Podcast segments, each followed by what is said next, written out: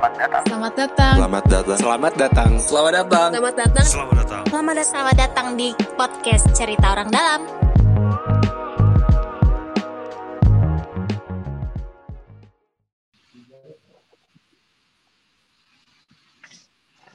Nggak boleh salah ngomong nih ya, direkam nih. Ah, bisa dipakai pakai suara-suara inilah, suara-suara SpongeBob lah.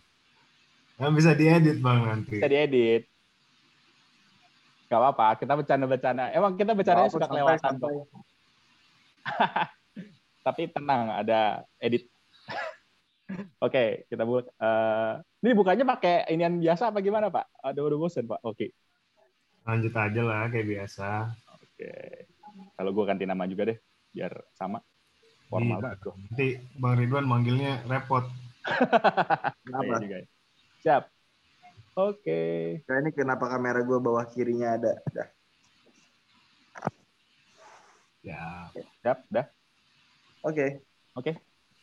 Halo, selamat pagi, siang, sore, malam. Selamat datang di podcast Cerita Orang Dalam. Wah, Wih. Akhirnya. Oh, Oke. Akhirnya saya kembali Pak. Iya.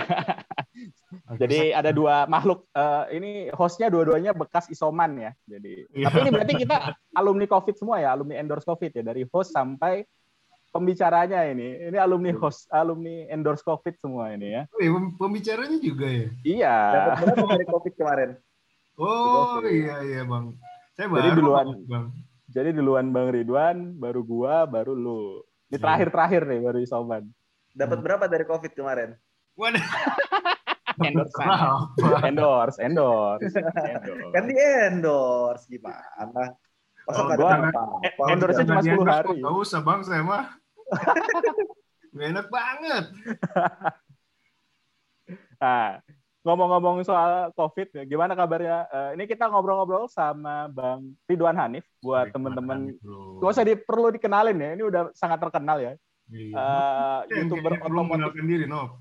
Siapa? Kita yang perlu mengenalkan Oh iya, salah ya. Kita yang perlu kenalin Kalau Bang. Ridwan nggak perlu.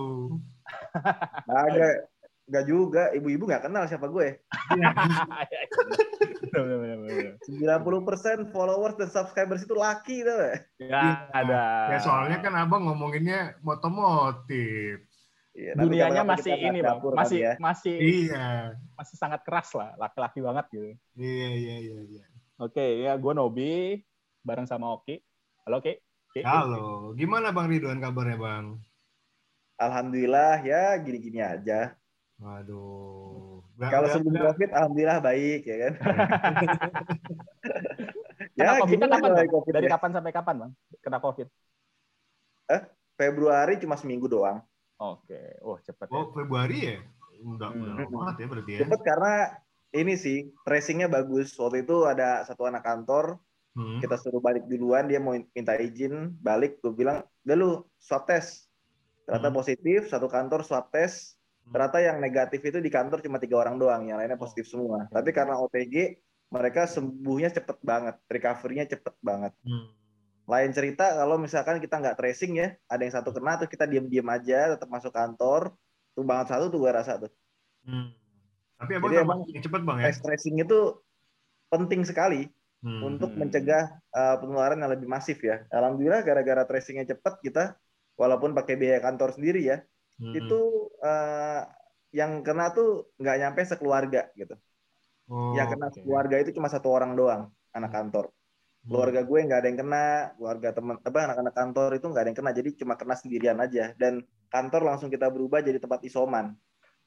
Oh iya. Langsung di dalam situ semua ya. ya, ya. Mm-mm. Dan dia seminggu doang, seminggu doang rata-rata seminggu udah sembuh semua kok. Hmm. Jadi masuk abang ya seminggu ya? itu sepenting itu tracing itu sangat-sangat Ya. penting. Iya. Jadi kalau kita mau bahas corona, oh, nambahin bed apa segala macam, kalau tracing nggak jalan ya sama aja bohong sih. Karena gue udah. Ini jadi jadi podcast kesehatan masyarakat ya. Iya iya. Enggak, karena ini kita sharing experience saja dari betul, kita betul, betul. gitu. Benar. Tracing yang kuat itu bagus gitu loh. Jadi kalau ada satu kena, kita kontak ke siapa aja langsung tes. Kalau Hmm. negatif lanjut, kalau positif ya udah langsung sadar diri aja gitu loh. Hmm. hmm, hmm, hmm. Iya ya. Jadi bukan bukan aib juga ya sebenarnya ya kalau Ya. misalnya kena ini ya. Mm-mm. Malah- Dan gue ngomong ini bukan karena gue ahli kesehatan, bukan, tapi karena gue ngalamin sendiri. Hmm. Iya iya iya iya, betul betul betul. Cuman yang gua agak bingung ini ya kadang kayak misalnya nih pengalaman gue juga nih bang ya, gue juga bukan ahli kesehatan sih. Em, informasi-informasi kayak misalnya gue positif atau eh, gue habis kontak erat misalnya gitu ya, kan juga salah satu bagian dari tracing ya. Mm. Itu kayak dalam tanda kutip di beberapa pihak tuh masih kayak jadi aib gitu loh. Oh, Maksudnya, Udah dia nggak usah bilang-bilang gitu loh. Udah lu diem aja, isolasi aja gitu loh. Nah, Maksud gue, ya jangan dong gitu loh. Mungkin kalau misalnya di kantornya Bang Ridwan tadi ada yang berpikiran kayak gitu, mungkin antisipasinya nggak akan secepat itu kali ya. Jadi artinya, ya ini bukan aib, ya sampaikan aja Iya. sejujur-jujurnya. Gitu. Ya itulah pentingnya kita punya HRD yang bagus ya. Wih, siap, siap, siap. Jadi siap, siap. orang-orang yang udah masuk ke kantor kita itu adalah orang-orang pilihan ya kan. Wah, iya, ya, betul, bener, betul, bener, bener. Bener sih. betul, betul, betul, betul. Bener. Jadi ya udah satu kantor ya emang udah se ini semua, sepemikiran semua gitu loh. Hmm, hmm, Kalau kita diskusi juga satu level gitu kan. Agak Iya. repot kalau misalkan yang satunya begini, satunya begini, satunya begini. betul, Masuk ke kantor tuh gara-gara apa? Gara-gara ya dulu eh, gua tim ses terus out of nowhere jadi orang Ya. komisaris gitu kan. Kita nggak ya ya ya ya, ya bener. Iya, harus beda. harus sesuai kompetensi kan bang ya. harus ya. kompetensi. Makanya gue bersyukur banget punya HRD yang bagus gitu loh. Iya. Oh, oke, oke, oke, oke, oke, oke. Nah, ngomong ini ya, apa namanya, eh, ngomongin soal tadi COVID dan dan segala macam ya. Eh, abang sekarang tinggal di Jakarta berarti ya, Bang Ridwan? ya? Jakarta. Masih Eh, ngontrak sih. Siap. Eh, ini apa namanya, Jakartanya mana tuh Bang? Jaksel. Lagi di sana Jaksel. gimana soal COVID Bang? Ya di sini alhamdulillah baik-baik aja. ya. Oh, alhamdulillah. baik. Ini ya, apa namanya? nggak eh, nggak masih terlalu menyeramkan. Dulu awal-awal Juli sih kan rumah gue dua rumah dari masjid ya. Hmm. Emang hampir tiap hari ada pengumuman duka, tapi sekarang udah nggak ada lagi sekarang. Alhamdulillah ya. Udah kosong. Hmm. Alhamdulillah. Eh, tapi dari dari kecil abang di Jakarta berarti? Dari kecil lahir di Itu Jakarta. rumah- Di rumah di dari dulu atau maksudnya dulu emang rumahnya di sekitar sekarang daerah mana sih bang? Abang rumah? Dulu gue kecil emang di pasar Minggu, tapi orang Ah. tua tuh pindah ke Kebayoran Baru tuh zaman gue SD. Oke. Habis itu gue eh, pas nikah, sebelum nikah dan nikah itu gue pernah pindah ke daerah Kelapa Gading, Sunter. Oke. Terus gue resign dari kantor, gue pindah lagi ke pasar Minggu. Wah. Hmm.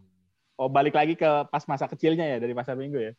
Iya, Itu eh, apa namanya? Gimana bang? Mungkin sedikit cerita lah dari masa kecil dari pindah dari pasar minggu, terus akhirnya eh, Balik ke lagi. Kebayoran, dan akhirnya balik lagi ke pasar minggu. Gimana Jak? Gimana tuh? Pasti Masa beda kecil kan, abang Bang, ya?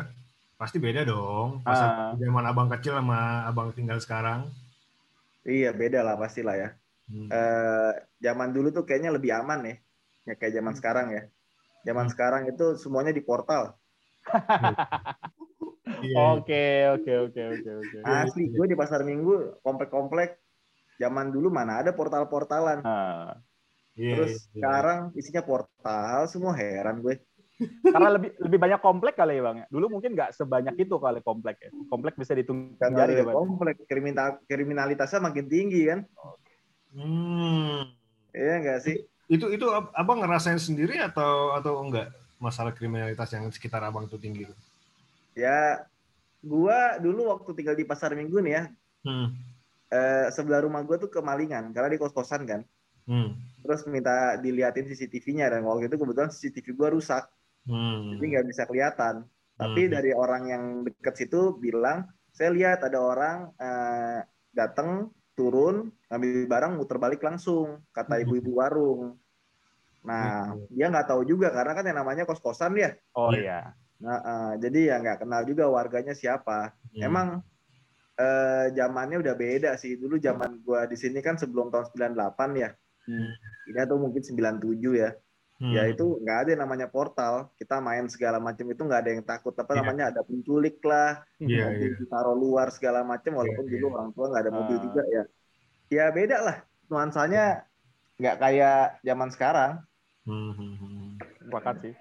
Eh, gua gue sedikit cerita depan gua, rumah gua kan komplek tentara ya jadi eh, apa namanya ada ada banyak lapangan ada banyak gedung dan segala macam dan dulu tuh nggak kita tuh sebagai anak kecil ya boleh aja masuk bebas dan segala macam gitu dan beda dengan zaman sekarang yang memang kayaknya eh, mungkin karena ini ya bang apa apa ya? Mungkin karena kepercayaan terhadap masyarakat. Sorry, maksudnya keterikatan eh, antar tetangga gitu, kenalan antar tetangga atau kenalan antar masyarakatnya mungkin bu- karena itu berkurang kali ya, Bang.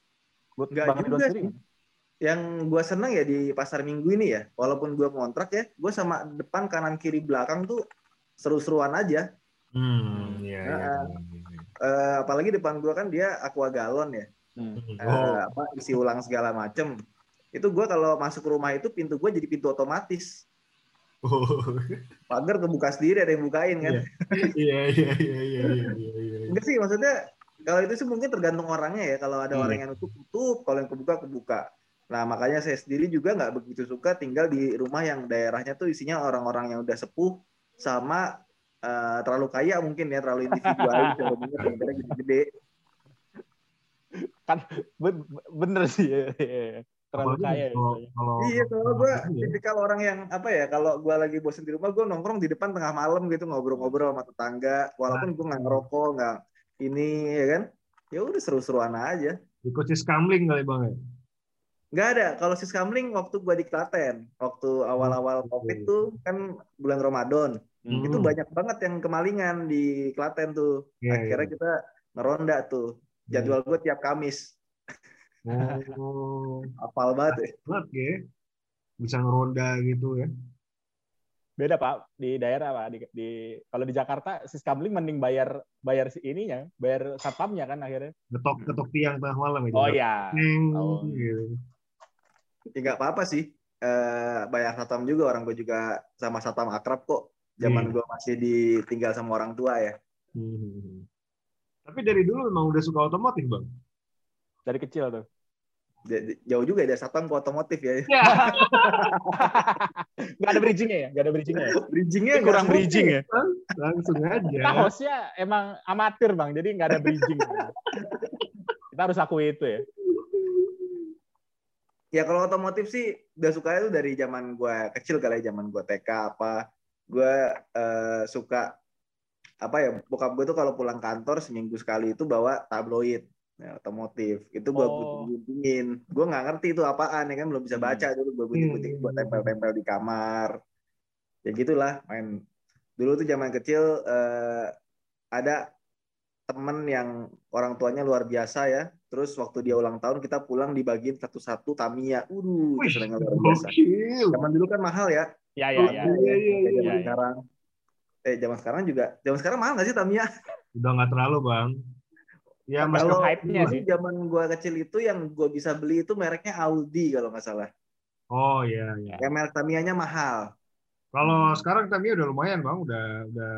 Kalau yang mahal banget tuh yang bener-bener ini, bener rakitan bang. Modif. Hmm. Kalau yang kayak zaman awan kita kecil mah, mas udah udah affordable lah sekarang. Orang di pinggir jalan aja ada yang jualan. Dulu kan mewah punya banget, Tamiya kan? yang Iya, murah banget. Hmm. Tapi berarti dulu dari berangkat dari itu ya, dari tabloid yang mungkin Bang Ridwan sendiri nggak tahu ya itu apa ya. Cuma iya, berarti ya, cuma bapak itu suka ngoprek. mobil hmm, orang tua suka ngoprek mobil gitu atau gimana? apa Orang tua suka ngoprek mobil gitu atau gimana? sama sekali enggak Oh, Oke. sama sekali enggak. sama sekali enggak di, di keluarga tuh nggak ada yang darahnya otomotif gitu ya tapi Hmm. emang bukan mungkin kalau orang tua dulu mampu beli mobil yang bagus gitu segala macam mungkin juga akan gitu cuma kan ya daripada beli mobil mendingan beli apa ya beli Hmm. Jadi yang mulai, lain gitu kan mulai suka otomotif dan akhirnya mulai apa ya berkecimpung tuh di kapan doang? gue tuh dulu suka banget eh, main game ya Hmm. karena kan dulu eh, ibu itu ngajar komputer Jadi di rumah itu eh, punya komputer. Nah, ya itulah minta tolong eh, saudara, tetangga isiin game segala macam game yang gue paling suka dulu Need for Speed 2 Oke. Special Edition tau nggak? Ya, Tahu dong. tahu. Yang ada tahu. McLaren F1 Iya, ya kan, iya, iya, iya, betul. Ferrari F50 ya udah gue main gituan. Bahkan sampai SMP SMA gitu ya main game itu di eh, apa namanya di PS gitu ya. Hmm. Yang dimainin tuh mungkin anak-anak lain main bola ya nggak sih? Iya. Gue nggak main bola gue gue cuma main balapan aja makanya ya sudah Hmm. emang senengnya di situ ya gue jalan aja di situ dan nggak nyangka Hmm. ternyata inline dari dulu dari kecil sampai sekarang itu ya di otomotif itu karena emang udah seneng dari kecil. Iya, iya, iya, iya, iya. iya. Em, tapi basicnya Bang Ridwan sendiri otomotif bukan sih kayak mesin atau apa gitu Kalau Basicnya bareng gua. dari ini sih. Dulu waktu SMA itu kan eh, iseng bikin website rental mobil rame. Akhirnya eh, keluarga itu bertumpu di situlah. Dan sekarang rental mobil ngurusin orang tua full. Dari udah ikut SMA, Bang? SMA itu saya kan ini tukang main internet. Jadi Oh. modal website, iklan, Google AdWords segala macem ya Hmm. jadi duit lah. Nah dari situ eh, mulainya dan tahu tahu mobil yang lebih dalam itu ya mungkin sejak SMA kuliah lah karena ngurusin mobil rental kan. Hmm. Mulai dari aduh gue pengen jalan-jalan nggak punya bensin nih, gue nyedot bensinnya dari mobil lain. Penyewa ini pulang mobil bensinnya penuh nih, gue ambil nih bensinnya. Oh, dari situ tahu cara nyedot bensin ya. Ngoprek bisa lah. Iya, iya. Terus iya. kalau rusak-rusak ya benerin sendiri lah ya, mulai mulai bener-benerin sendiri. Oh nih Enggak, rusaknya enggak. ya Kalau banyak rusak harus betulin. Kalau rusak ya betulinnya ke bengkel. Tapi kalau lagi urgent gitu ya, kayak misalkan, ya ini besok udah sewa nih mobilnya masih nggak beres. Apa yang bisa kita ganti? Ya udah kita Hmm. ganti. Kalau nggak bisa ke bengkel. Karena kan kita harus memperkecil downtime kan. Iya. Hmm. Mm-mm. Oh. Jangan sampai gara-gara mobil rusak nggak bisa disewa, downtime-nya jadi gede, akhirnya kita rugi. Hmm. Oh, berarti berangkatnya juga dari mulai suka lihat poster, main game, terus Mm-mm. kemudian SMA mulai berbisnis ya eh, dengan dengan ya menyerempet ke dunia otomotif ya. Eh, dan Iya, itu juga Sampai sekarang malah. sampai sekarang ya. Sampai sekarang. Dari situ juga mulai terus berkembang ya sampai akhirnya punya YouTube yang terkenal. Itu mulai mulai Wah. mulainya dari sit dari situs dulu berarti kan Bang yang Autonet Max dulu kan berarti ya. Iya, dulu kan kita main-main eh, AdSense ya, pakai Hmm. website-website luar. Hmm. Terus satu momen berpikir bahwa ya kan kita kena ban mulu ya. Terus Iya. ganti-ganti eh, teknik segala macem. Iya. Dulu kita eh, pakai Flash, sekarang pakai HTML5, ntar depan ada apa lagi. Gue udah ngikutin sih sekarang sih. Hmm. Tapi intinya adalah ini kan berkembang terus. Kayaknya gue mesti bikin sesuatu yang panjang, punya nama gitu loh. Akhirnya bikin Autonet Max di situ. Dan dari situ itu senangnya luar biasa karena kita punya akses ke mobil-mobil yang tadinya eh, gue tuh kalau misalkan gue pengen nyobain mobil mewah nih, ya kan? Hmm. Wah ada yang mau sewa apa nih? Ada yang mau sewa Camry. Ya, kita nggak punya Camry, kita ambil dari rental lain. Itu yang ngambil gue, yang balikin juga gue. Oh. Anda bisa nyutupin karena gue pengen nyobain aja gitu kan. Iya. Kapan lagi ya kan? Iya. Nyobain orang orang mau wedding pakai Mercedes, kita nggak punya mobilnya, kita ngambil dari rental lain. Oh, Gue oke. sendiri yang bawa, jadi nyobain gitu loh. Nah, Ya, sekarang udah punya media sendiri, eh, followers udah banyak. Kalau kita mau nyobain mobil ya tinggal pinjem aja gitu. Hmm, itu Dan sering kali? Kita pinjem, pengen nyobain aja gitu, nggak pengen bu- buat bikin konten, Hmm. pengen menikmati aja karena emang udah seneng kali ya hmm. Start masuk YouTube kapan, Bang? masuk YouTube. Hmm. Kemarin masuk YouTube, man. Baru publish video. salah Bapak pertanyaannya. Oh iya. Mulai jadi konten creator, Pak. Oh, yes, bener nggak Oh. nih pertanyaannya? Semoga terjawab dengan benar nih. Ini nggak diplesetin lagi nih. Mulai jadi konten creator di YouTube, Bang. Iya. Akhirnya mulai Awalnya bikin tuh konten-konten di Sebenarnya nggak YouTube. kepikiran YouTube sih. Hmm. Jadi 2013 itu kan kita bikin Alternate Max ya. Awalnya Iya. tuh artikel, konten. Ya. Karena dulu kita, eh, saya itu mikirnya duit itu dapatnya tuh dari iklan di website, ya kan, Hmm. dari Google AdSense, ya kan. Hmm. AdSense itu sebelum di YouTube itu di website duluan. Iya. Orang taunya sekarang aja gitu kan. Oh YouTube nih dapat AdSense, padahal nggak juga. Hmm. Nah terus eh, kalau kita mau jalan jauh itu kan harus rame-rame ya. Hmm. Kalau jalan cepet ya jalan sendiri aja. Nah kebetulan Alternate Max ini saya bertiga gitu kan. Hmm. Salah satu teman yang ikut bangunin namanya Kang Idui, dia bilang kita bikin YouTube yuk. Ayo aja gitu kan. Hmm. Ya udah gue yang ngomong ternyata jadi. Hmm. Awalnya yang di review mobil rental semua. Oke. Tapi basic eh, kan kalau bisa hmm, biasanya nih bang ya review-review mobil itu kan review-review teknis ya mesin segala macam gitu gitu. Bang Ridwan sendiri kalau ngulik-ngulik gitu eh belajar dulu sebelumnya atau atau atau punya basic juga sebelumnya tentang mesin-mesin atau apa gitu? Gimana maksudnya? Awal mulai jadi tahu jadi tahu ini bang jadi tahu apa namanya ini mesin apa atau Ya, otodidak gitu. atau Oh. memang eh, ngobrol sama tukang bengkel atau belajar sama orang bengkel dan segala macam akhirnya mulai bisa nge-review mobil gitu bang Ya sebenarnya kalau saya ini kan dari awal tuh orangnya senang teknologi ya. Jadi Hmm. senang baca berita. Hmm. Makanya kalau-. Saya itu dikenalnya dua sebenarnya nggak cuma otomotif tapi teknologi juga. oh ya Karena emang emang ngikutin gitu, Hmm. emang suka. Tapi kalau yang saya nggak suka saya nggak ikutin gitu. Nah, waktu ngurusin rental itu banyak banget permasalahannya. Hmm. ya kan masalah mobil ya kan Hmm. kayak kaki mesin transmisi suspensi kalau tertabrak kan gimana segala macam itu kita ngurusin dari A sampai Z Hmm. sampai ngurusin mobil hilang juga gitu kan Hmm. dibawa kabur penyewa itu kita urusin juga nyari mobil sampai ke eh, ujung dunia gitu loh dari situ menurut saya tuh eh, saat-saat di mana saya belajar banyak sih soal mobil yang tadinya cuma mungkin pengagum ya Hmm. bisa jadi pemakai juga Hmm. bisa jadi pemerhati juga, bisa jadi praktisi juga, semuanya terjadi ketika ngurusin rental mobil sih. Hmm. Berarti berangkatnya dari situ ya, belajar. Karena dari situ ngelola banyak mobil dengan segala macam permasalahannya Hmm. eh, dan juga segala macam tek-tek bengeknya, wah itu pusing deh Bias- makanya. biasanya suka dukanya apa tuh bang pas jadi ini pas ngurus rental mobil Sukanya sih pas dapat duit sih ya. ya kita semua sepakat sih ya berarti ya Saya juga. Apalagi gini, eh, yang suka nih ya, Hmm. saya tuh tahu gitu mana penyewa yang kelihatan royal sama enggak. Kayak misalkan gini, saya beberapa kali tuh ngambil eh, targeting market itu ngambil ke daerah-daerah kayak Timur Tengah Hmm. gitu. Misalkan eh, Arab Saudi jarang, yang banyak tuh kayak Kuwait, Qatar. Hmm. Nah, ini ada dari klien dulu ya ada telepon. Oh, Nah. iya. Kayak misalkan dari Qatar, Kuwait gitu-gitu kan. Hmm. Nah, itu biasanya kalau ada penyewa dari situ, Hmm. gue mau nyetir sendiri. Hmm. Hmm. Oh, oke oke. Karena tipsnya gede. Ya, oke.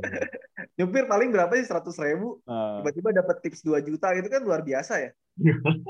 Itu bukan tip bang, 2 juta mah. Iya. tipsnya lebih gede dibanding ininya Nyawa mobilnya Camry atau Mercedes atau BMW.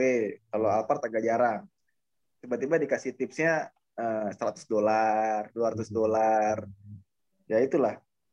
Makanya kalau ada penyewa-penyewa Arab Arab gitu biasanya pada rebutan. Hmm. Stereotipnya tipnya gede dan memuaskan. Ya ya ya ya. ya. Heeh. Tapi kalau tujuannya ke puncak kita nggak ikut-ikutan. Supir aja Oh, tuh. oke. emang rental di mana aja bang ikutan bang? Apa? Kenapa nggak ikutan? Ya udahlah itu. Orang tentang orang pakai dalam ya. diperjelas lagi Gue kira tadi mau jawab kan, gue pancing ternyata nggak dijawab. Iya iya iya. Bang, kalau boleh nanya nih, dari sekian banyak mobil yang udah di review, udah dicoba segala macam, penasaran aja sih gue, mobil favoritnya apa bang? Mobil favorit. Hmm. Mobil favorit adalah mobil yang kita punya sendiri sebenarnya. Kalau misalnya apa pun deh, yang mobil idaman yang nggak belum kepegang belum dimiliki Apa ya? Tapi pengen, Eh gue makin ke sini nggak nggak makin muluk-muluk ya maksudnya. Oh gue suka banget sama ini apa segala macam. Gue makin ke sini tuh makin netral sebenarnya. hmm. Karena buat gue yang paling penting itu adalah experience-nya, Hmm. bukan memilikinya gitu. Oh. Jadi ketika lo ada mobil, gue pengen nyobain jalan gitu. Gue pengen nyobain di sirkuit apa segala macam. Buat gue itu yang lebih penting. Makanya gue kayak misalkan eh, followers minta bikin konten ini dong gitu. Hmm. Gue pernah diajakin temen ke New Zealand gitu ya, Hmm. nyobain Lexus LFA segala macam ya, Hmm. supercar luar biasa lah. Tapi nggak nggak gue kontenin. Karena gue pengen nikmatin aja. Ngapain gue mengurangi kenikmatan gue demi gue berbagi sama orang lain yang yang belum tentu jadi pahala gitu kan. Ah. Iya, Iya, siap. gue filosofi. gue seneng ya udah gue nikmatin sendiri aja gitu lah Iya, iya. benar, benar, benar. Jadi kalau ditanya mobil favorit gue apa sekarang? Apa ya? Tergantung mood aja sih gue lagi pengen nyobain apa gitu kan. Hmm, iya, iya, iya. Gila, gila, luar biasa. Deep banget, coy. Apa? Filosofinya. Dalam, dalam, dalam. Dalam, Dalam. dalam banget. Karena pasti kan kalau misalnya gue nanya mau sama beberapa orang gitu ya, yang mungkin experience-nya terhadap menyu atau experience-nya menggunakan mobil itu tidak sebanyak Bang Ridwan gitu ya. Kalau ditanya kan pasti langsung nih, aduh gue pengen banget nih punya ini nih, gue pengen banget punya ini. Gitu. Tapi ternyata kalau dari Bang Ridwan yang udah banyak experience-nya, ya kayaknya lebih netral gitu ya, lebih tergantung aja gitu. Karena memang bener-bener bener-bener ininya ya, bener-bener pengalamannya ya Bang ya, terhadap terhadap mobil itu ya, eh, dibanding memang harus kayak suka banget into banget dengan satu brand gitu bang ya berarti ya. Ini kita lagi live ya, ada yang komen tadi di situ. Nah, itu itu anak-anak saya tuh bang. itu biarin aja bang, biarin bang, gak usah gak usah di ini bang. Itu Gak salah di- satu fans bang. iya, karena karena gini bang, kalau gue ngeliatnya banyak orang gini. Kenapa sih lu suka sama mobil itu gitu loh? Iya. Karena mobilnya langka. Nah, Itu- oke. Ya kenapa gitu? Karena orang-orang jadi orang tuh ada suka sama beberapa barang itu bukan buat menyenangkan dirinya sendiri, tapi untuk menyenangkan orang lain gitu loh. Betul. Untuk terlihat hebat ini. Kalau gue sukanya ini ya suka-suka gue gitu loh. Yang gue Iya, nikmatin iya. gue yang beli gitu kan. Iya, iya. Gue udah tipikal, gue udah sampai ke tahap sana sih. Hmm. Jadi ketika ada sesuatu yang bagus atau apa yang gue suka, lebih baik gue simpen sendiri aja, bukan untuk uh, gue kelihatan hebat di orang lain ya kan.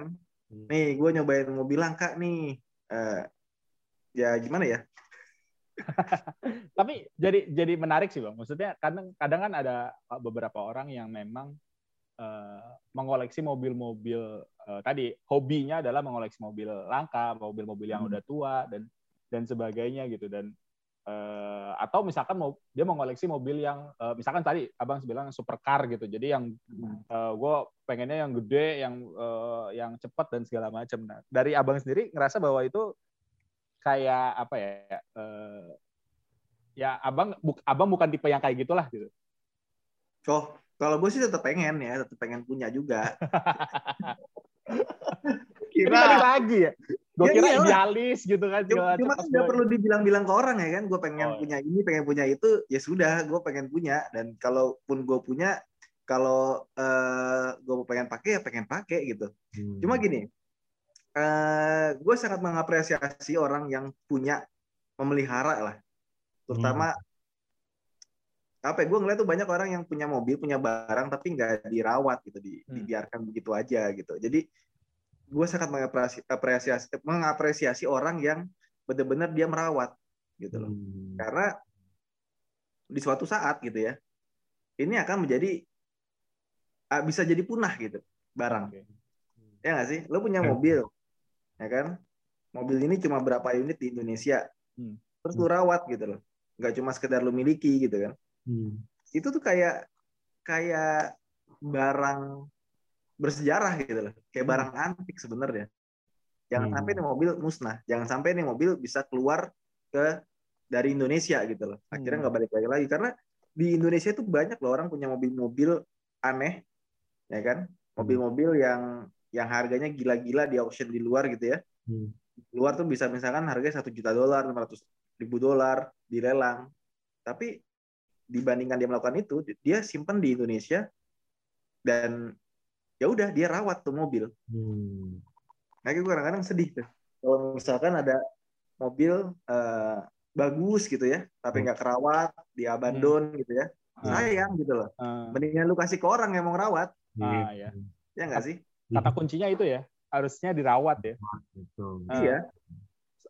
gue gue follow ini bang. Eh, abang abang mungkin jauh lebih tahu lah. gue follow mobil mobil terlantar. Mobil terlantar. Eh, dan itu bener sih. Maksudnya sedih aja gitu ngeliatin mobil-mobil yang tua atau mobil yang baru juga sih ada juga. Tapi kayak nggak dirawat dan akhirnya ditinggalin aja gitu. Dan, tapi jadi Ya, kepikiran. Bang. sebenarnya kalau mobil-mobil biasa sih mungkin nggak apa-apa lah ya. Cuma Ah. kalau mobil-mobil yang yang yang menjadi impian banyak orang gitu ya. Hmm. Kan banyak orang bermimpi-mimpi punya mobil yang nggak usah gitu deh. Apa yang kita miliki sekarang kan banyak yang didamkan sama orang lain juga kan. Oh ya, Ya makanya kita harus merawat itu gitu loh. Iya, betul. siap siap. Nah, Dari nyambung. jadi terlalu dikasih aja ke gua gitu ya. oh banyak tuh bang, banyak itu konten bisa dijadi konten. tuh. Nah itu eh, tapi eh, sedikit nyambung nih. Nah ini baru langsung kita bridging tapi nggak kasih tahu ya. Iya. Eh, apa namanya kan kan sempat ada tuh eh, apa namanya eh, pembatasan ya yang usia mobil. Abang pernah abang kalau nggak salah pernah diminta per- pernah diminta bicara juga ya kalau nggak salah ya. Kan jadi Ah. sempat diusulkan tuh pembatasan usia mobil di Jakarta meskipun akhirnya nggak jadi ya eh, karena Hmm. dianggap eh, eh, belum siap secara aturan singkat saya. Jadi eh, kalau dari abang sendiri ngelihat eh, bahwa kan ini kan di satu sisi tadi ya di satu sisi eh, ya bahwa Jakarta sudah eh, sudah penuh dengan mobil dan dianggap supaya buat eh, mengurangi emisi gitu kan mengurangi polusi udara dan segala macam. Tapi di satu sisi lain benar kata Bang Ridwan bahwa eh, bahwa mobil antik itu juga punya nilai gitu, punya nilai sejarah, punya nilai yang berharga gitu buat pemiliknya. Dari abang sendiri pendapatnya terkait itu gimana, Bang? Yang pembatasan usia mobil? Ya, sebenarnya kita mesti ngeliatnya tuh secara helikopter view ya, maksudnya dari atas gitu loh, jangan dari satu sisi aja. Di satu sisi Jakarta ya polusinya tinggi, ya kan? Di satu sisi industri otomotif juga mesti jalan, nggak Hmm. boleh mati. Hmm. Yang bekerja di sana kan jutaan orang, Ya. gitu ya.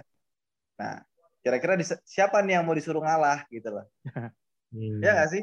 Hmm. Hmm. Oke, mau kalau mau arogan ya langsung aja. Udah 2025 harus mobil listrik semua yang dari Jakarta. Bersih nggak? Bersih. Tapi yang kalah siapa? Banyak orang. Ada orang nanti ya pekerjaannya hilang, ya kan?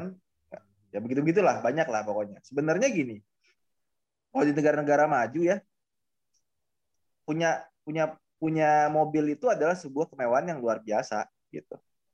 Karena transportasi umum ya udah mendukung, ya nggak sih? Oh ya. Iya nggak sih? Hmm. Gue ke luar negeri kayak misalkan Singapura gitu ya, ngapain juga punya mobil ya? Karena semuanya udah terkoneksi dengan transportasi umum. iya. Eh, ke Jepang gitu ya, MRT-nya enak segala macem, gue udah nggak kepikiran mungkin kalau dari gue, karena gue sendiri, gue sebelum corona itu ke mana-mana tuh naik ini, naik elektrik skuter. Oh, Oke. Oh. Gue pakai elektrik skuter sampai stasiun Pasar Minggu gue lipet.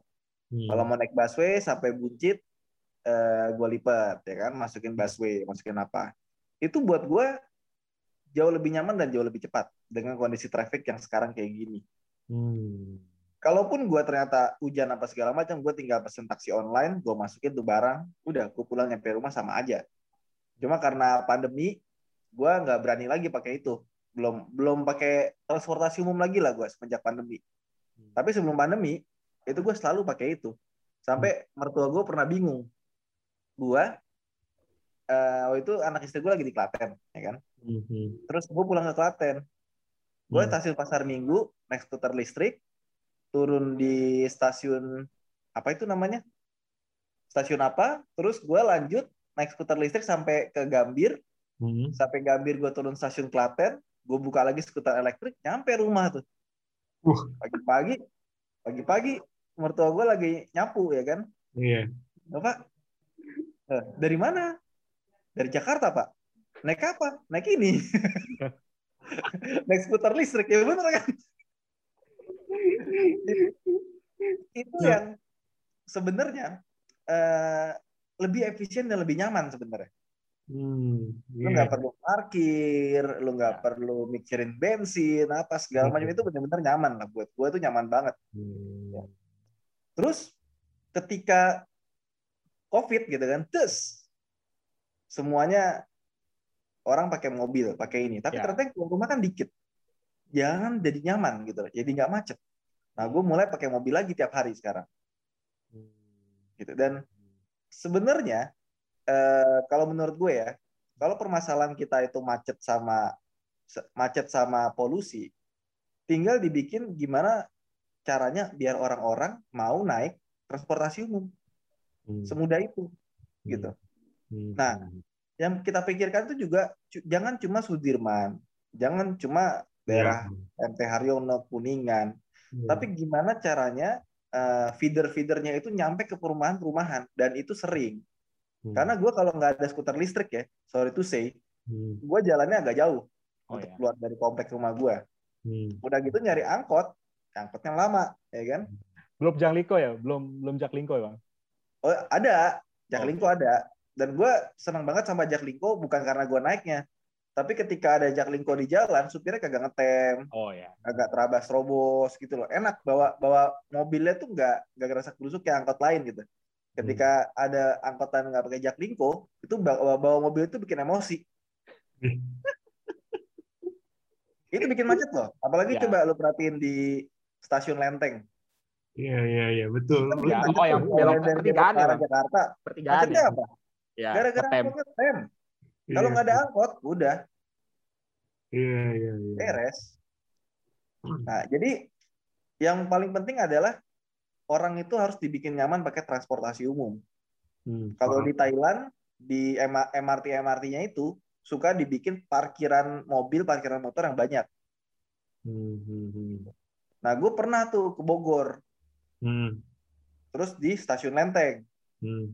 ya kan? Di stasiun Lenteng gue naruh motor di situ, ya kan? Gue ke Bogor. Pas balik helm gue hilang. eh, bukan stasiun Lenteng, Tanjung Barat, ya kan? Oh, Itu udah oke. jadi apartemen. Iya, Nah, iya, terus iya. yang kedua, yang bikin macet dan paling banyak itu kan sebenarnya apa tuh nggak? Orang komuter Oke. yang tiap hari ngantor. Antara di Sudirman rumahnya Lebak Bulus dia tiap hari bolak-balik ya kan. Nah, kalau di luar negeri, kalau yang saya liatin, orang tuh udah housingnya tuh vertikal lurus ke atas. Oh. Jadi jarak antar rumah ke tempat kerja itu dekat sekali. Dan waktu saya kerja di Kelapa Gading gitu ya, saya kan dulu masih di rumah orang tua saya ke Baru. Tiap hari naik motor, pulang pergi. Akhirnya saya beli apartemen di situ dekat. Ya kan, apa yang terjadi? Saya biasanya berangkat eh, jam 7 pagi gitu ya, kantor. Sekarang berangkatnya tuh jadi jam 8 kurang 10 gitu. mepet. Karena cuma lima menit, nggak nyampe. Dan kebayang nggak itu tiap hari kita jalan kayak gitu. Berapa banyak polusi yang bisa kita kurangi tiap hari? Hmm. Iya nggak? Itu baru polusi. Belum kemacetan. Berkurang tuh satu orang yang naik motor dari Kebayoran ke Kelapa Gading tiap hari. Siap, siap. Ya kan? Kalau orang yang tinggal di Bekasi, Bintaro, segala macem, dia punya rumah, dia tinggalnya di, eh, dia punya kantor di Sudirman, Hmm. kasih hunian yang bagus, layak, dan harga terjangkau di daerah Sudirman, masa sih dia nggak mau beli di situ? Ya nggak sih?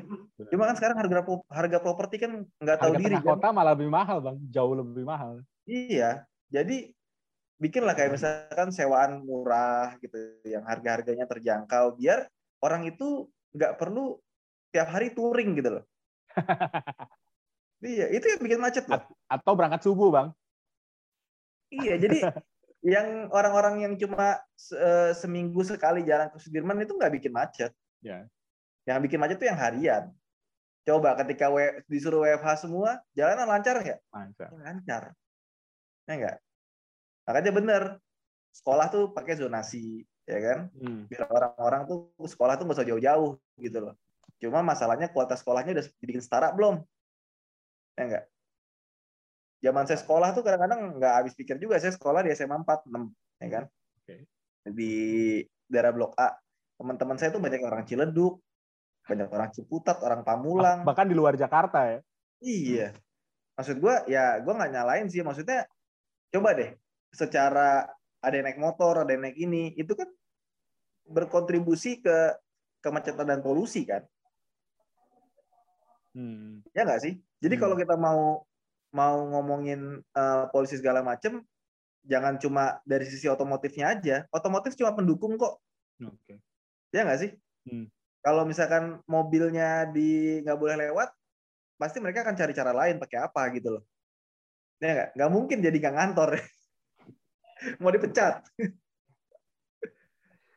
Eh, jadi jadi apa ya? eh, apa ada banyak eh, ada banyak eh, indikator, ada banyak unsur lah ya, ada banyak pihak yang harusnya juga bisa mengurangi, eh, bisa dicari cara lah supaya eh, masalah kemacetan sama masalah polusi ini juga bisa mulai hilang gitu, mulai berkurang gitu dengan tadi benar sih bahwa kultur kulturnya warga Indonesia itu adalah rumah tapak sih bang, belum terbiasa dengan rumah apa namanya rumah vertikal gitu entah rumah susun atau apartemen gitu. Jadi merasa bahwa rumah itu ya harus napak di uh, bawah gitu. Makanya akhirnya uh, pada ke ke ini ya Bodetabek misalkan orang-orang Jakarta yang akhirnya Gak juga sih kalau dibilang kulturnya itu rumah tanah ya karena hmm. gue pernah tinggal di apartemen itu dua tahun hmm.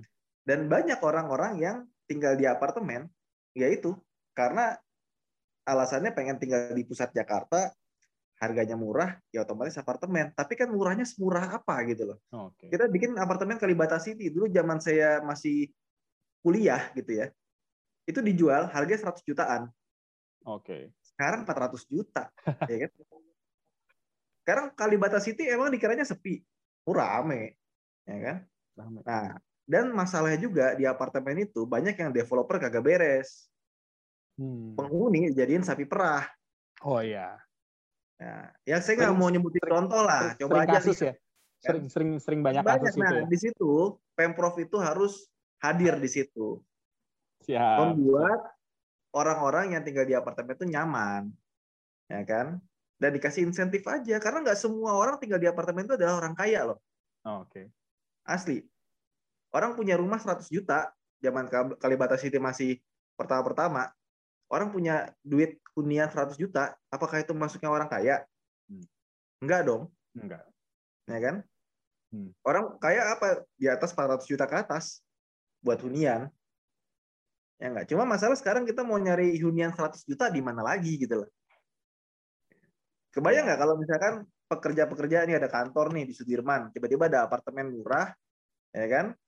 Terus dia boleh tinggal di situ selama dia punya SK dari kantor gitu ya bahwa dia bekerja di situ ya kan terus dia kontraknya berapa lama karena dia kerja di situ dia boleh tinggal di sini bikin program itu pasti berkurang banget itu orang yang komuter tadinya tiap hari Jakarta Bogor gitu kan banyak loh OB-OB yang kerjanya di apa yang rumahnya oh, di iya. Bogor ya. tiap hari naik kereta gitu kan dan kalau kereta lagi ada gangguan mereka nggak pulang ke rumah nginep di hmm. kantor ya orang-orang uh, OB-OB yang uh, jualan di Glodok gitu apa segala macam banyak. Karena saya dulu waktu kuliah itu saya bolak-balik Bogor pernah. Ada yang baru pulang pagi gitu kan. Apa namanya? Dia tanya, "Mas, kerjanya apa, Mas?" Saya di Glodok. Tukang komputer. Oh, ini kok jam segini pagi malah balik ke Bogor? Iya, dari kemarin saya nginep di kantor kan kasihan ya kan coba dikasih akses rumah uh. gratis atau apa gitu tujuannya apa buat mengurangi orang komuter itu siap siap ya jadi ada banyak yang harus bisa dikerjain lah ya supaya hmm. tadi eh, apa nggak cuma satu sisi aja terkait terkait kendaraan juga tapi eh, terkait transportasi umum dan Tadi Abang juga udah nge-share ya eh, pengalaman-pengalamannya transportasi umum. Mungkin ada harapan lagi Bang soal transportasi umum di Jakarta. Harapannya apa ya? Uh, bingung saya orang lagi corona gini ya ada harapan. Ya, uh, anggaplah ini pandemi uh, tanggal 17 Agustus 2021 selesai gitu kan. Jadi okay. setelah itu kira-kira harapannya apa transportasi? Harapannya lagi bahas transportasi. angkot jadi Jaklingko aja ya. siap, ya, siap, karena siap, itu siap. bisa mengurangi kemacetan asli. Karena yang ngetemnya hilang, hmm. yang fruntulannya hilang. Hmm. Kalau Jaklingko semua sih pasti jadi lebih bagus ya. Cuma masalahnya yang itu, yang ada dari Depok segala macam di luar ini kan, hmm. itu jadi hmm. masalah. Ya, ya, ya. Itu sih paling. Nah. Feeder sih yang paling penting feeder. Kalau transportasi yang uh, masifnya kayak misalkan MRT-nya, kereta, ya kan, busway itu udah bagus sih. Tinggal feedernya aja biar orang-orang tuh lebih dari terjangkau gitu. Ya, dari Kalau dari depan rumah udah bisa naik ini. Jadwalnya bisa di trace ya kan. Misalkan satu angkot tuh dikasih uh, eh, GPS. Kita semua bisa akses GPS dari mana. Oh, dia udah nyampe sini nih. Berarti lima menit lagi nyampe depan rumah kita. Buat jalan ya kan. Uh. Itu enak loh. Daripada ya kita nungguin jadwal jam sekian jam sekian jam sekian pas kita nyampe kok belum datang tuh barang. Sering gitu kan. Kayak Bikun UI, Bang. Hah? kayak bikun, kayak bikun. bikun. Ada jadwalnya nih nggak datang ke mana ya? Untuk para Kayak pendengar ya. Kan enak banget tuh. Iya, Dia iya. tuh digital kan. Nah, Jadi estimasinya itu bisa ketahuan dari papan digital. Jadi hmm. kita ambil nunggu, oh masih lama, kita jajan dulu di depan, kita Ya, beli ini, gitu. Hmm. Asik tuh. Kalau misalkan feeder-feedernya itu benar-benar udah terintegrasi, kita tinggal buka di aplikasi, kita misalkan mau naik angkot S15 gitu ya, Sylvia, wis keren Hmm. amat. Nah, terus pencet nih S15. Oh, S15 sekarang posisinya di 1, 2, 3, 4, 5. Paling dekat dari arah kita tuh sekitar estimasi 5 menit lagi. Ya. Berdasarkan estimasi Google Maps. Uh, cakep. Gitu. sedang menuju ke sana lah, insya Allah ya. Ya, Semoga sedang menuju ke sana lah. Eh, bahwa Itu kita nggak bisa. cepat, tapi bisa. Hmm. Sama trotoar aja sih. Trotoar yang diperbagus jangan di eh, pusat-pusat kota aja. Iya. Iya, iya. Ya mahal sih pasti ya. Cuma saya kalau di pasar minggu sendiri ya, ya trotoar itu agak kurang bagus lah meskipun sekarang udah mendingan. Hmm. Saya kadang-kadang ngiri sama kebayoran baru gitu kan rumah orang tua saya kebayoran baru. Gila, Hmm. gua dari kecil eh, di sini ya kan, dari zaman gua SD kelas berapa gitu. Giliran gua udah pindah dari rumah orang tua gua, kok trotoarnya jadi bagus ya Alan.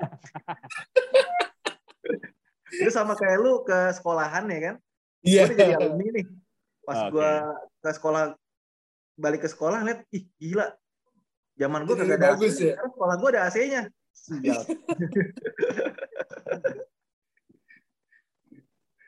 Iya, iya, iya, iya, iya, iya. Oke, Eh, itu tapi gue sedikit pengalaman sih. Eh, dekat rumah gue tuh ada ada trotoar yang udah diperbaiki dan justru malah ada yang curhat bahwa eh, kita nggak biasa jalan di sini gitu. Jadi justru malah jadi tempat parkir trotoarnya. Nah ini juga mungkin dari setelah ada trotoar, setelah ada jaklingko juga semoga dari warganya juga siap juga gitu untuk berubah ya Hmm. untuk untuk untuk siap Hmm. ini untuk siap apa namanya ya kalau udah ada Jalan jaklingko, kaki. udah ada trotoar, jalan kaki gitu dan segala macam Hmm. pasti meng- Hmm. ya semoga bisa mengikuti juga dengan dengan perubahan-perubahan. Cuma ini. memang kalau di Indonesia ini agak susah buat maksa orang jalan kaki. Karena kita panas. Iya, iya, iya. iya. kalau di Singapura kan panas bang, nggak salah ya? Eh, Nggak Singapura tahu. panas juga, tapi banyak bagian-bagian tuh yang rindang. Oh, oke. Ya nggak sih? Coba deh perhatiin deh. Hmm. Dia tuh eh, walaupun panas juga, tapi ada satu bagian yang ditutupin, ada yang pakai pohon segala macem. Ya, mereka sudah lebih dulu ya dari kita, jadi nggak bisa apple to apple. Nah, Betul. di kalau kita ke Jepang gitu ya, ke Jerman gitu kan, ke Itali, gue selalu sewa sepeda biasanya. Hmm. Hmm. Oke. Itu Karena eh, kenapa? karena Karena nggak panas. Ah, ya. Makanya baru enak dingin gitu loh. Jadi kalau kita mau jalan-jalan tuh enak, nggak keringetan. Kita kan dari sini, gue dari kantor ke rumah aja walaupun jaraknya cuma sebentar gitu ya, tetap Hmm. aja bawaannya pengen mandi sampai Oh kantor. ya, bener sih. Saya jalan sedikit naik sepeda aja tuh, ah, ini pasti ketawain tapi ya tim-timnya. Eh, maksudnya eh, pasti kerasa sih panasnya. Memang panasnya lebih nyelekit aja sih kayaknya di sini ya. Mm-mm, males gitu loh. Maksudnya di rumah udah mandi, udah ganteng sampai kantor masih Iya. mandi lagi. gitu. Siap, siap, siap. Jadi berasa jadi berasa ini pengantin baru kalau naik sepeda itu mandi dulu. Pengantin baru. Ya, ya. Iya, iya, iya, iya, iya, iya. bisa, bisa, bisa, bisa. Oke. Bisa, bisa, Eh, bisa. Ini kita rencananya berapa lama, tapi udah sampai bablas segini ya. Eh, Beberapa menit Iya. ini. udah panjang bang, udah panjang Jam. bang. Wadah. Eh, mungkin penutup ya, eh, apa namanya harap bukan harapan sih, maksudnya lebih ke Jakarta versi eh, Jakarta yang abang peng apa, abang mau nih ke depannya gimana gitu. Tapi harapan lagi ya, Hmm. harapan Jakarta secara umum lah. Iya, kalau harapan gue sih ya bagus lah ya. Jakarta udah mulai arah-arahnya kayak negara-negara kota-kota maju gitu ya. Tapi jangan dilupakan bahwa Jakarta adalah Jakarta. Selalu ada ruang untuk orang-orang kecil, untuk Hmm. eh, warung-warung tenda pinggir jalan, Betul sekali. eh, orang yang pakai gerobak buat jualan segala macam. Itu Iya. jangan disingkirin. Itu harus difasilitasi. Iya, iya, iya, iya. Nah, jadi jangan sampai modernitas kita itu menggusurkan Hmm. orang-orang kecil. Itu aja Mhm. sih. Ya. Iya. Jangan sampai gara-gara kita demi trotoar bagus, orang yang punya tenda pinggir jalan jadi kegusur dia nggak punya pekerjaan. Asli, asli, Itu asli. sih, Siap, siap. Ini masalah Asli. Ini- Jakarta tetaplah Jakarta, Cil. Iya. Keren ya, Asli itu bisa keren sih, nih kayaknya bentar lagi nih. Asli itu harapannya keren banget sih, Nop. Karena eh sepengetahuan gue di beberapa negara maju sebenarnya kota-kota maju itu malah switching Hmm. memanfaatkan ruang-ruang depan tokonya untuk bisa taruh meja gitu ya. Sebenarnya eh, tenda-tenda pun juga udah mulai bermunculan seperti itu. Sebenarnya mirip kayak kita, cuman bentuknya aja ya, ataupun persepsi orang Ya, aja. paling kita- itu sih bang eh paling itu sih jadi di apa ya di dibagusin gitu jadi ya itu. Bisa dibagusin dikasih Nah, Ya, jangan enak kesannya kalau PKL itu adalah kumuh, nggak gitu. Ya, Asli itu itu itu enggak banget sih. Masih Hmm. banyak banget orang yang, be- yang berpikiran kayak itu asli sebenarnya enggak banget sih. Hmm. Ini itu uh, quote yang keren sih, Bang. Jakarta tetaplah Jakarta bahwa di dalamnya itu semaju apa pun kita mengarahnya, tetap ada ruang-ruang untuk orang-orang yang seperti tadi ya, pedagang kaki lima, tukang gerobak dan segala macam memang itu ya dari dulu di Jakarta gitu, Bang ya. Itu asli sih keren banget sih kata-katanya. Itu Ya. kearifan lokal ya, Cil. Iya. siap siap siap nggak bisa harus ada pecel lele di di Indonesia di Jakarta ya Asli.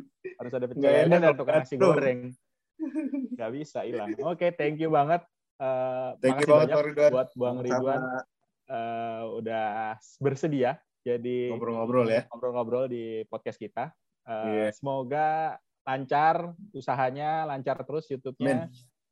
Sehat Iya. terus bang, itu yang penting bang. Sehat terus Ya, bang. sehat ya. Betul. Sekarang kalau sehat nih bukan bukan basa-basi lagi ya. Ini doa Iya. doa dari Iya doa. hati Dan ya. kalau bisa sehat tuh jangan sehat, sehat raganya doang.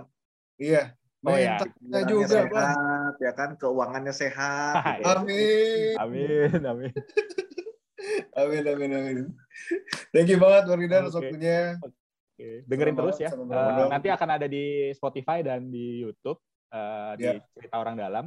Follow Ya. juga IG Cerita Orang Dalam, Twitter Cerita Orang Dalam. Kalau abang nggak usah dipromo lah ya, udah terkenal ya. Jadi kita kita yang pengen butuh. Kayak gitu kan. Iya. Nanti YouTube-nya kita promo juga bang. Nanti kita bisa tag nggak sih di YouTube? Bisa kan nih? Di, Kayaknya bisa. tenang, tenang, tenang, tenang, tenang. siap, siap. Bercanda, bercanda. Siap, siap. Thank you Oke, bang. thank Sekali you. lagi ya. Sama-sama. Keluarga bang eh, biar sehat semua. Amin. Ditutup Pak, ditutup oke. Kalimat Oh. penutup Bapak yang hafal kan. Oh, oh iya iya iya iya. Jujur banget ya kita. Dengarkan terus cerita kita karena cerita kita cerita orang dalam. Dalam. Bye. Bye.